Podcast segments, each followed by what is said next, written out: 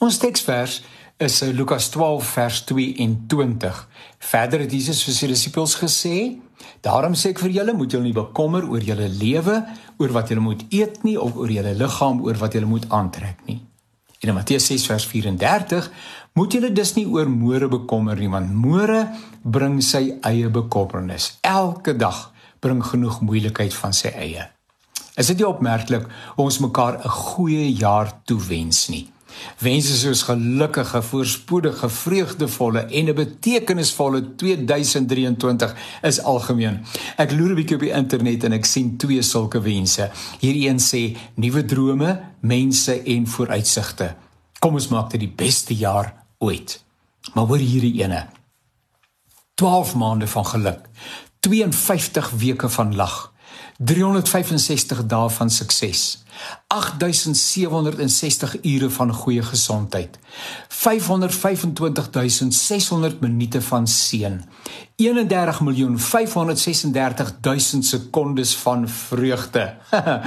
Dis nou 'n bilie van 'n nuwejaarswens, nê? En wie sou dit nie wou gehad het nie? Is mooi, maar is bietjie onrealisties, want die lewe het sy uitdagings en die dae bring bekommernis. Ons is net mense, nie superwesens nie. Ons is nie robotte wat geprogrammeer word en geen gevoel openbaar nie.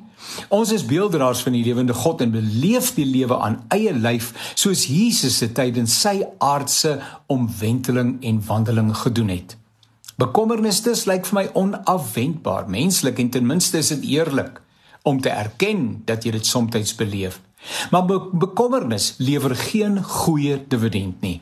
Niks word deur bekommernis reggemaak nie. Dis 'n kosbare energie. Dis kosbare energie wat proaktief aangewend kon word ten einde die probleem ophande kreatief en innoverend tegemoet te gaan. Bekommernis is tydmors. Dit is ongeloof en verheerlik die Here nie. Dis menslik, verstaanbaar, maar nie regtig verskoonbaar nie. Die Here sorg dan vir die mossies en die lelies van die veld. Vandag daar en môre verdroog, hoeveel te meer vir ons, vir my en vir jou wat in 'n verhouding met hom lewe.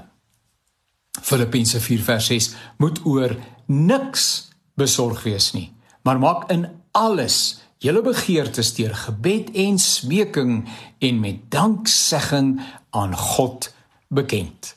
Kan ek dit dus weer vir jou lees nê? Hierdie pragtige een wat miskien effens meer realisties is, nuwe drome, mense en vooruitsigte. Kom ons maak dit die beste jaar ooit.